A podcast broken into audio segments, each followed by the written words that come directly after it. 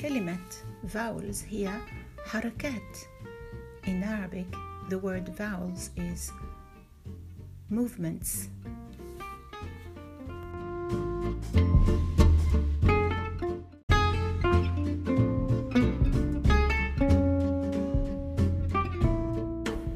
The three short vowels are a, u and e.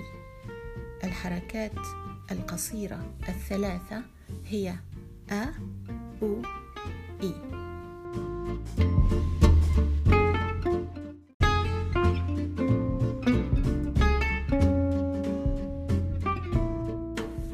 الشيء الثاني الذي يجب أن تعرفه عن الحركات العربية هو أن الحركات القصيرة تكتب إما فوق أو تحت الحرف. The second thing you need to know about Arabic vowels is that short vowels are written either above or below the letter.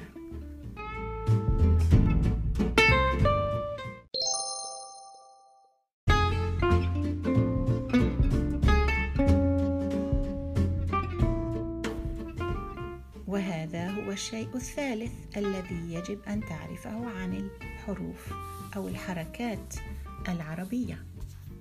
and this is the third thing you need to know about Arabic vowels.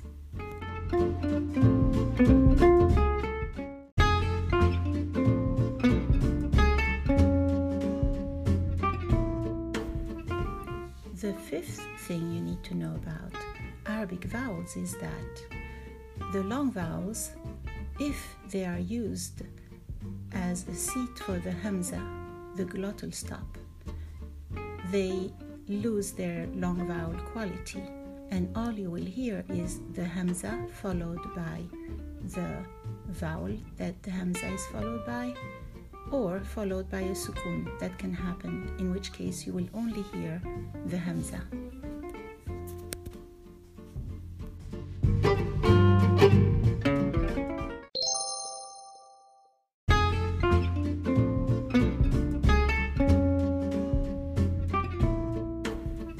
فمثلا إذا كتبنا باء ألف سين ننطق باس وهذا يعني سلم وإذا كتبنا باء ألف همزة سين فقد كتبنا بأس وهذا يعني شيء سيء.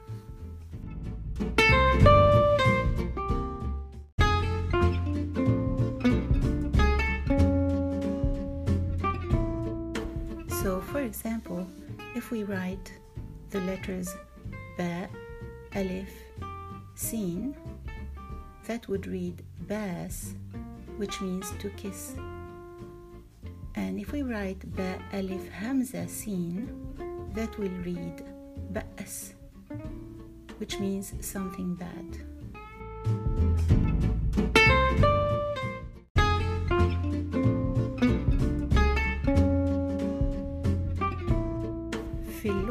العربية كلمة vowels هي حركات. In Arabic, the word vowels is movements.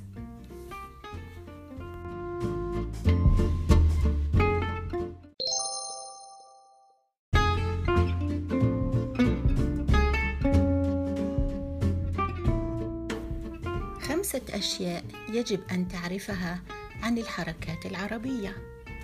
Five things you need to know about Arabic vowels.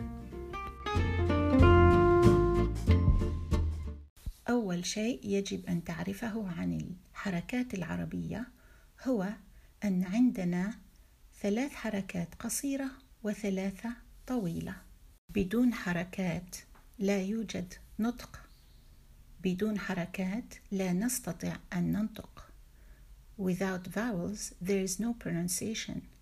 Without vowels, we cannot pronounce.